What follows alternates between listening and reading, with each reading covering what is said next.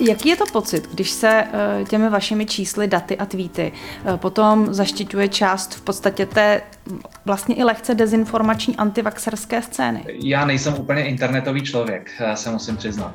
Takže já popravdě řečeno ani moc neřeším, kolik mám sledujících nebo kdo mě všechno retweetuje. V rozhovoru na Reflexu jste hned říkal, že vám narůstají sledující, když postujete ta čísla, která postujete. To jo, jako to je informace, které jsem si všiml, protože samozřejmě na tohle to člověk klikne, ale jako, že bych to nějakým způsobem lovil, nebo že bych, já, to ani neumím, v podstatě pro mě, pro mě je Twitter záležitostí uh, jako relativně jednostranou, uh, pořád jsem ještě úplně jako nepřivykl tomu, jak funguje ten internet uh, 2.0. Jste pirát, pane Dostále.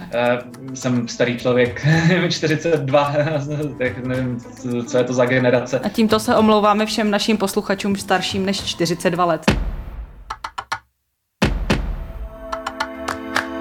Mé jméno je Marie Bastlová a vítám vás u podcastu Ptám se já. Ten pro vás připravuji také já, editorka Eliška Dokulilová.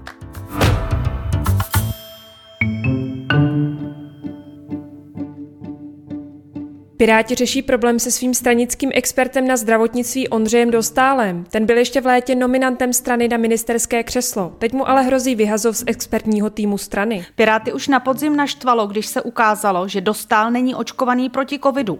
Teď se jim nelíbí, jaká čísla zveřejňuje na svých sociálních sítích o počtu nakažených mezi očkovanými a neočkovanými lidmi. Čísla podle mnohých jsou bez patřičné interpretace zavádějící a často je tak pro své argumenty používá dezinformace dezinformační scéna a také takzvaní antivaxeři.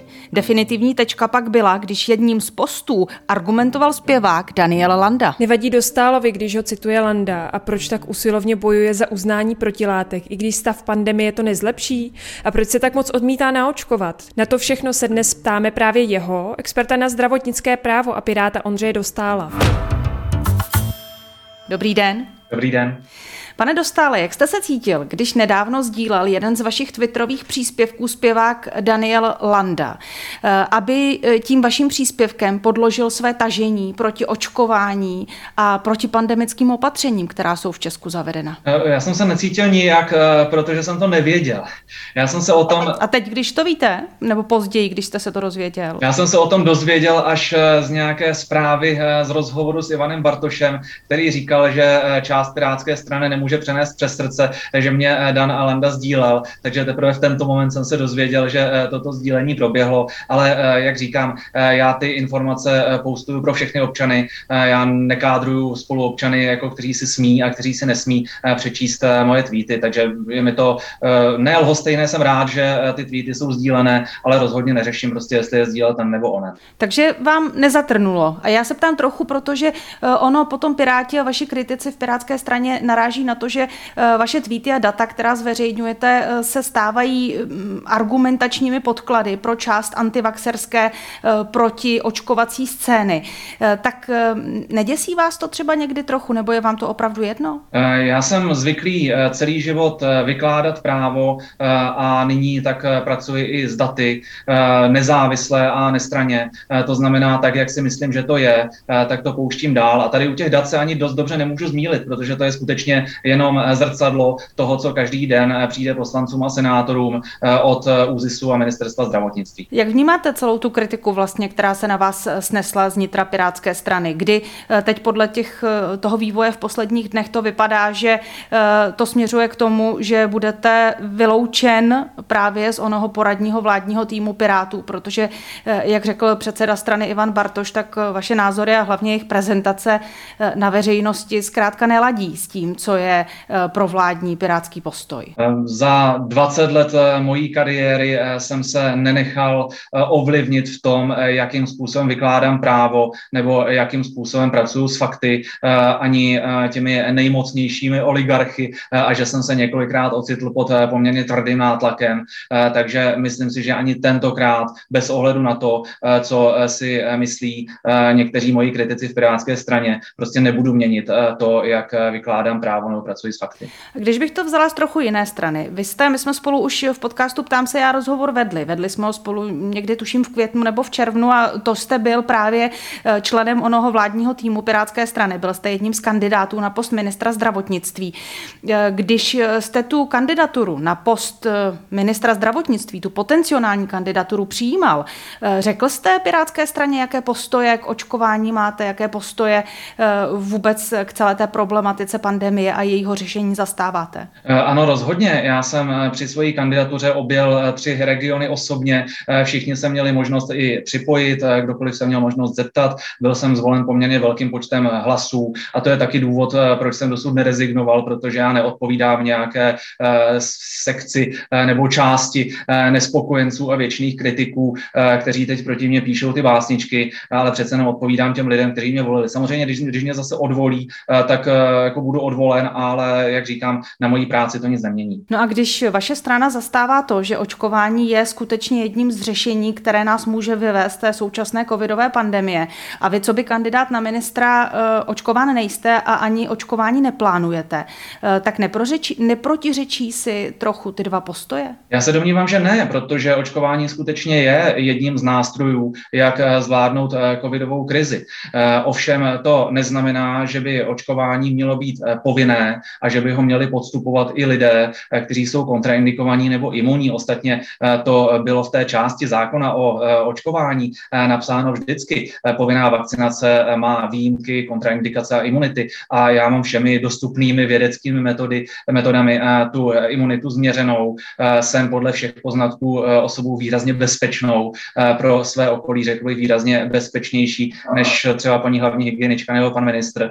Takže v tento moment nepovažuji očkování za indikované, neboť eh, jeho rizika, byť minimální, eh, v mém případě nejsou vyvážená v podstatě eh, přínosy, které by mě k tomuto rozhodnutí vedly. No tomu rozumím. Já jsem, pane Dostale, už v předchozích rozhovorech pochopila, že vy se, hm, řekla bych, tak trochu vysmíváte panu ministru zdravotnictví Adamu Vojtěchovi a hlavní hygieničce, že jsou nakaženi covidem, i když absolvovali dvě, respektive možná už i tři dávky očkování, zatímco tedy vy, který razíte cestu protilátek, nemoc jste prodělal, tak jste v tuto chvíli negativní, řekla bych.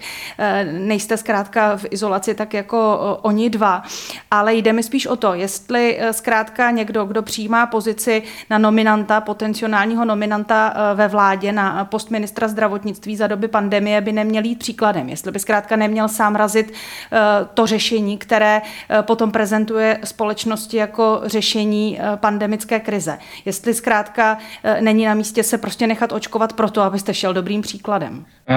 Začnu od začátku vašeho vstupu. Já se prosím neposmívám eh, panu ministrovi, že se nakazil covidem, já mu to nepřeji a naopak mu přeju brzké uzdravení, ale eh, vysmívám se mu za to, eh, že říkal, že dvojí očkování znamená bezinfekčnost ještě v době, kdy vědecké studie například z Izraele jednoznačně hovořily o klesajícím účinku těch očkovacích látek v čase a v ten moment měl pan ministr místo toho, že dvojí očkování stačí na Ford, už začít mluvit buď to o boostrech, eh, anebo o jiných řešeních. Teď eh, k té eh, druhé části. Já jsem přesvěd, já jdu příkladem v tom smyslu, že když jsem prodělal a tehdy byl hlad po krevní plazmě s protilátkami, tak jsem okamžitě šel darovat mimochodem od té doby. Vím, že ty protilátky mám a byť mě přitom praskla žilka, takže to nevyteklo celé, tak možná jako ten kousek aspoň někomu pomohl. Takže svůj přístup za nezodpovědný rozhodně nepovažuji. Já kdybych byl přesvědčen,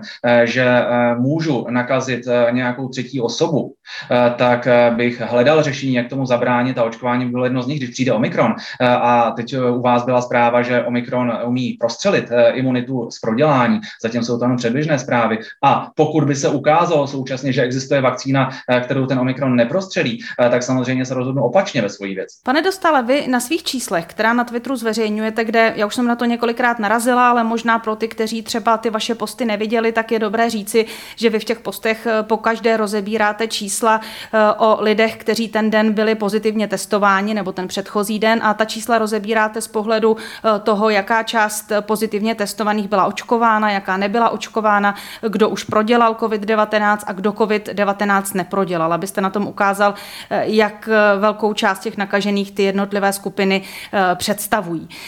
V rozhovorech, kde hájíte to, aby byly uznávány protilátky, po prodělání nemoci velmi často argumentujete izraelskými studiemi a řadou dalších studií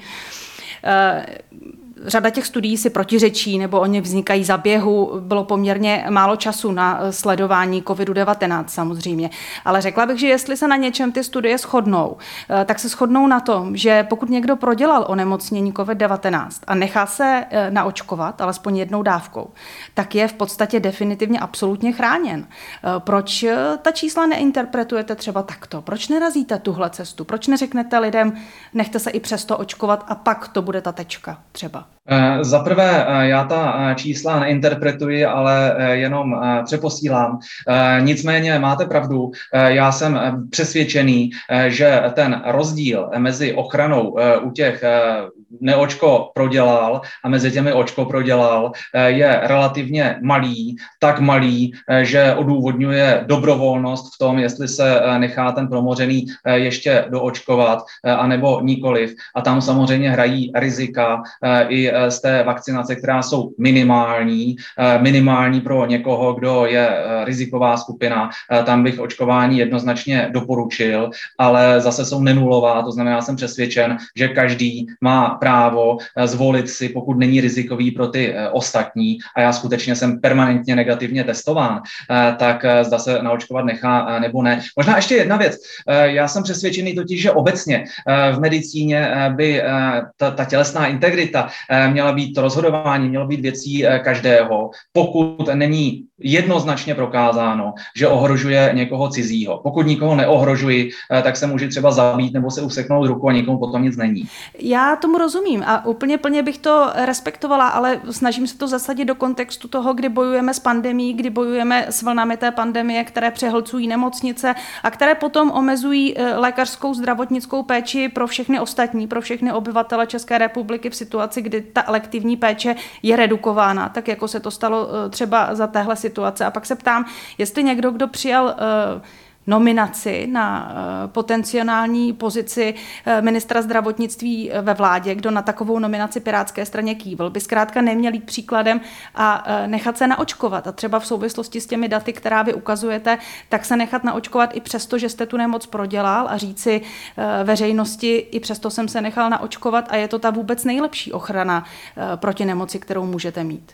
Předně podstoupit jakýkoliv lékařský zákrok, jakoukoliv lékovou intervenci, z politických důvodů považuji za mimořádně hloupé. Pokud to i teď eh, vlastně našim posluchačům eh, pomůže, tak můžu říct, že všichni eh, lidé nad 50 v mojí rodině, v mojí domácnosti na očkovaní jsou, a to i třetími dávkami. Naopak u sebe a u dětí jsem se zatím rozhodl pro neočkování a to mimo jiné i z důvodu, že varianty, které zde jsou, tak proti těm, jak jsme, my jsme všichni prodělali, tak jsme chráněni dost dostatečně a proti té variantě, která přichází, ještě není dostatek eh, vědeckých informací a vím, že se připravuje už na ní nová vakcína, eh, takže tam eh, bude ta, tu úvahu potřeba udělat až z daty, které zde budou třeba za měsíc nebo za dva. Mimochodem, když se zeptám úplně z jiného úhlu pohledu, pane Dostále, čeho vy vlastně chcete dosáhnout? Já nechci dosáhnout ničeho. V tento moment já se snažím, jak si nemluvit jiným lidem do životu, ale naopak dát jim šanci i prostřednictvím těch dat, aby se dozvěděli svoji osobní riziko rizikovost přesně a pravdivě. A to jak rizikovost pro třetí osoby, zda někoho nakazím, tak pro sebe, zda mám eh, pravděpodobnost, eh, že skončím na jipce. Eh, toto si myslím, že by ministerstvo mělo dělat spontánně a já to tím Twitterem jenom supluji a dokonale to budu schopný nahradit, až konečně pan Dušek z ÚZISu vydá ta data, která mě dneska slíbil a ještě pořádně je nedal.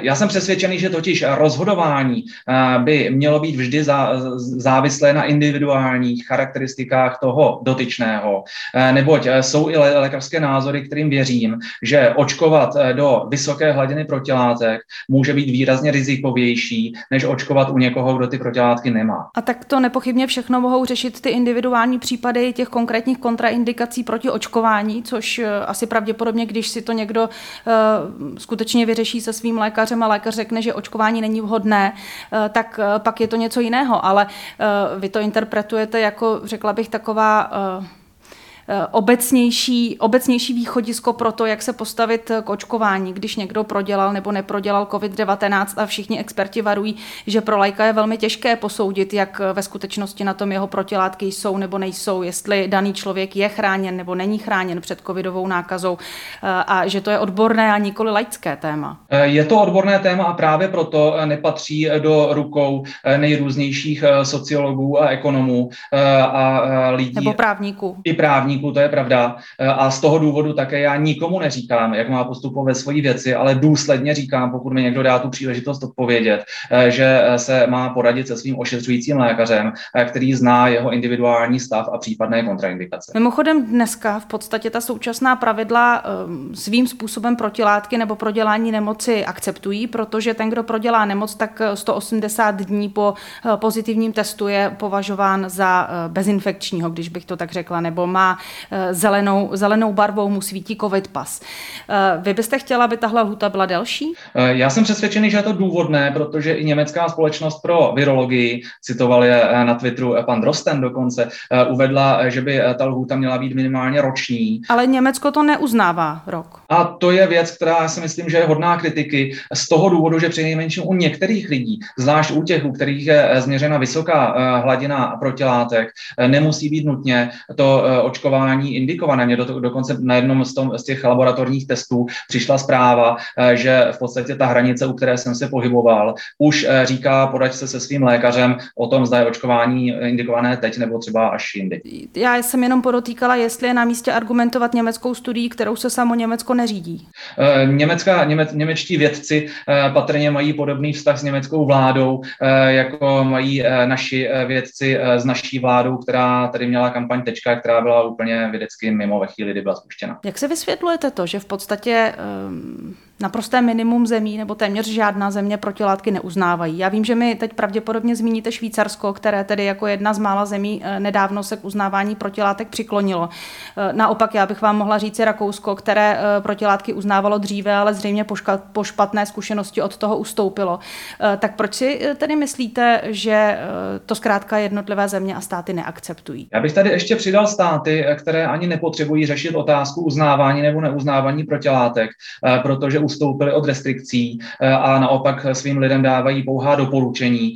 Zde bych zmínil některé skandinávské státy. Já si myslím, že správným přístupem k občanům se vyznačuje například Švédsko, a to po celou dobu epidemie. A celkově z hlediska úmrtí dopadly výrazně lépe než my. Ale to, co musíme dělat, je skutečně na základě denních dat, a zase se k ním dostáváme, sledovat, zda ty politiky, zda ty jednotlivé restrikce mají nebo nemají efekt. Teď jste na sousedních novinkách reportovali po týdnu lockdownu, že na Slovensku se nijak nezměnila čísla nákaz, že je to stejně špatné. Ten lockdown stojí minimálně miliardu eh, korun eh, denně, Jo, eh, s tím, že eh, za miliardu a půl provozujeme tady v Plzni celý nemocniční systém, jo, a přitom ten efekt je jako nehmatatelný. Čili toto není správná politika, to nemluvím ještě o tom, že některé dopady jsou třeba na eh, děti, na osobní životy sportovců a podobně. To jste mi ale vůbec neodpověděl na to, proč tedy v podstatě žádné státy na světě protilátky neuznávají. Ono na politické úrovni je dle mého názoru velké, velká míra setrvačnosti. Já si to neumím vysvětlit, já tu odpověď neznám, proto jsem vám na to neodpověděl. Ale u nás si myslím, Aha. že je tomu tak. Proto jste odpověděl na něco úplně jiného. I tak se dá pracovat s vámi novináři, eh, ale eh, správně jste si všimla. Eh, ale já jsem... Ano, to vy právníci umíte, vím to. Soudy nám to neberou, pokud jsou soudci kvalitní. Ale když se podíváme, mám takovou hypotézu. Domnívám se, že jde o určitou setrvačnost ve fungování státní zprávy, protože skutečně oni si ty studie ani tak neprotiřečí, jako že se mění s každým měsícem, vždycky, když se dojde k novým poznatkům. Ono to očkování, eh, když bylo čerstvé, jo, eh, když byla celá ta vlna naočkovaných a eh, byl, měli teprve tři měsíce očkování, tak to vypadalo naprosto bezvadně. Dokonce ta účinnost skutečně vycházela lépe než u těch promořených. Ale ta křivka toho účinku těch vakcín se po dalších třech měsících ukázalo, že klesá, kdežto zatím se jeví z těch dat, že ta křivka ochrany z toho promoření zas tak úplně jako na tom špatně není. Ale jak říkám, to jsou data, která jsou zde na začátku prosince 2021 a je možné, že nová varianta nám přinese úplně jiná čísla a tam budou odpovídat samozřejmě zase jinak. Mm-hmm, přemýšlím. Uh Jestli jste mi zaprvé tentokrát eh, odpověděl na moji otázku a jestli to vlastně eh, tohle dává smysl čekat na to, protože eh, chci říct, že ty společnosti musí v nějaký daný moment reagovat na to, jak se samozřejmě pandemie vyvíjí, jak se šíří, jak se zahlcují jednotlivé zdravotnické systémy. Vychází se z dat, která jsou aktuálně k dispozici a pokud ta data prostě jsou nejednoznačná, tak jak i vy sám říkáte, tak proč by tou správnou cestou mělo být uznávání protilátek, pokud si tím nejsme jisti? Tam je vždycky potřeba eh, řešit eh, rizika a přínosy. My v tento moment máme, jak správně říkáte, zahlcený eh, systém zdravotnictví a to i preventivní, jo, sehnat PCR test je jako neřešitelný problém, jako na některých místech jako včas. Jo, a proto bychom měli právě využít například ty poznatky o tom prodělání, abychom tuto skupinu jaksi nechali až na druhé koleji a věnovali tu svoji pozornost těm rizikovějším. Jo, protože nemáme ty zdroje neomezené. Mimochodem, když tak o tom ještě přemýšlím, pane Dostále, když vy v podstatě razíte tady tu cestu e, protilátek, nebo toho, že zkrátka nejlepší boj s nemocí je imunita, která je získaná tím, že někdo nemoc prodělal. E, skoro si říkám, jestli by v tom případě Česká republika nyní neměla být e, na špičku všech světových žebříčků, protože u nás, řekla bych, ta promořenost společnosti je extrémní, protože ve všech předchozích vlnách jsme si pandemí prošli poměrně těžce, těch nakažených bylo extrémní množství. Několikrát jsme se dostali do čela žebříčku při počítání nemocných na 100 000 obyvatel. Eh, tak jak je možné, že nás ta nemoc opět tak výrazně dostihla, když přitom bychom měli být v zásadě velmi promořenou společností? Eh, dívejme se na jednotlivé skupiny, a to jak eh, podle věku, tak i podle podle onoho promoření nebo, ne, nebo nepromoření. Eh, to budeme moci udělat, to může udělat ÚZIS už dnes, to už mohlo udělat dávno, eh, my to můžeme jenom odhadovat, protože ta naše data jsou kusa. Eh, nicméně my máme v nemocnicích zejména, řekněme, lidi, kteří se zpravidla vyznačují tím, že neprodělali, nejsou očkovaní, jsou starší, případně mají nějaké další nemoci.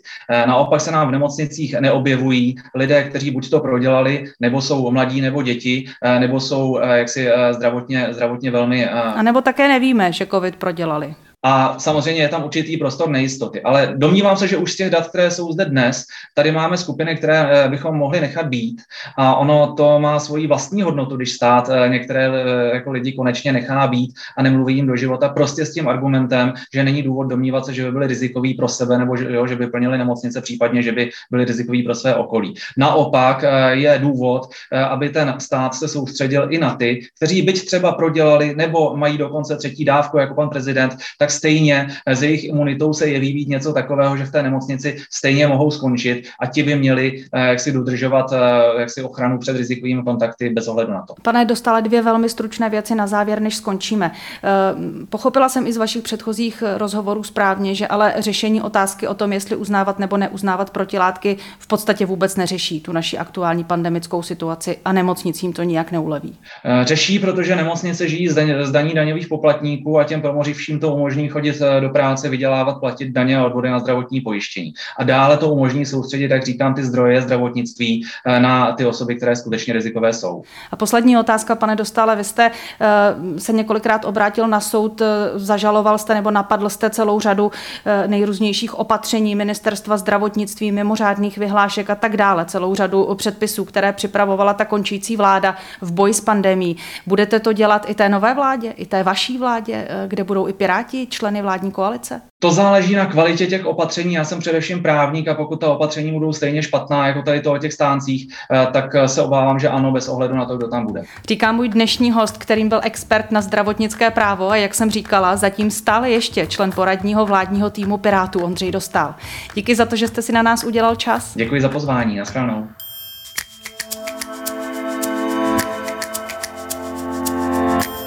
To bylo z dnešního podcastu Ptám se já všechno. Díky, že jste nás poslouchali, že jste nás sledovali, dělejte to i dál.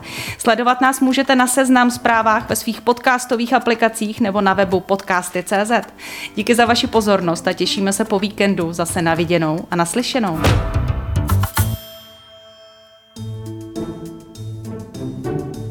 Zprávy z Česka i zahraničí, z biznesu i ze sportu. Přihlaste se k odběru našich newsletterů a vaše e-mailová schránka bude vždy plná zajímavého čtení.